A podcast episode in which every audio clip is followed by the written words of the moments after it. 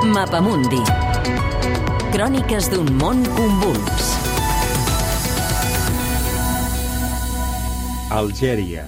Què ha passat amb el moviment de protesta contra el règim?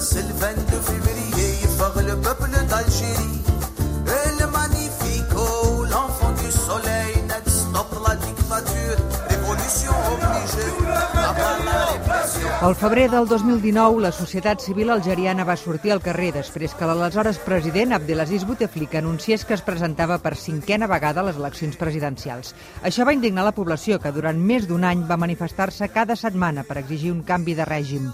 Però amb el coronavirus aquestes mobilitzacions s'han traslladat a internet, tal com explica l'activista de drets humans Nejma Benaziza. Alors, euh, le Covid, euh, c'était une aubaine extraordinaire. La Covid ha estat una ganga extraordinària per al govern algerià. Ha estat inesperat per ells. Han prohibit les manifestacions, però els intercanvis a les xarxes socials continuen. Els militants i activistes continuen presents a través d'internet. La Covid no ha matat les protestes perquè tenim el mateix règim polític i les injustícies continuen existint. Les injustices sont toujours présentes. El moviment Hirak exigeix un canvi real de règim que està en mans dels militars des del 1991.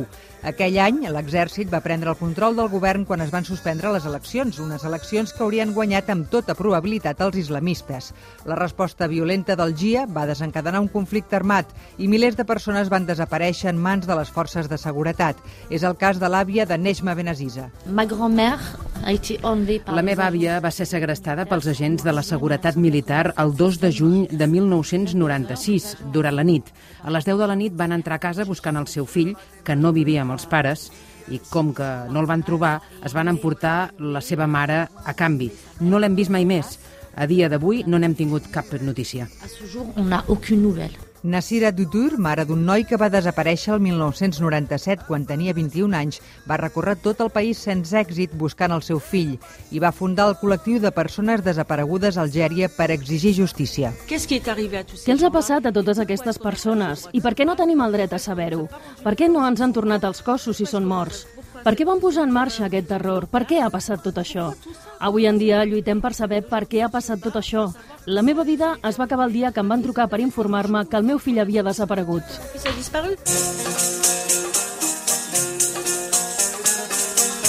Els familiars de persones desaparegudes fa anys que surten al carrer per denunciar les desaparicions i ara són un més dels nombrosos col·lectius que formen el moviment de protesta anomenat Hirak. Els integrants d'aquest moviment, però, pateixen una gran repressió. Des de la Covid hi ha una repressió terrible, quotidiana, a Algèria. Gairebé cada dia sentim a parlar de militants, d'estudiants, d'activistes que han estat empresonats, segrestats a casa seva. Vivim uns temps de repressió terrible a Algèria. La repressió afecta també els mitjans de comunicació. Segons Amnistia Internacional, hi ha almenys 8 periodistes empresonats per haver cobert les manifestacions de Hirak o pel que han publicat a les xarxes socials.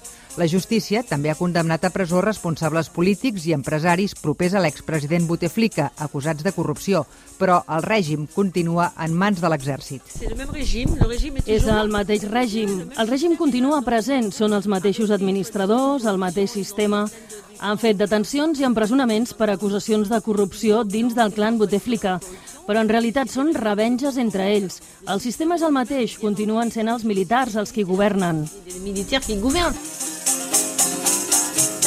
És un reportatge de Mireia Sala, amb muntatge de Jordi Galbany, disponible al podcast del Mapamundi.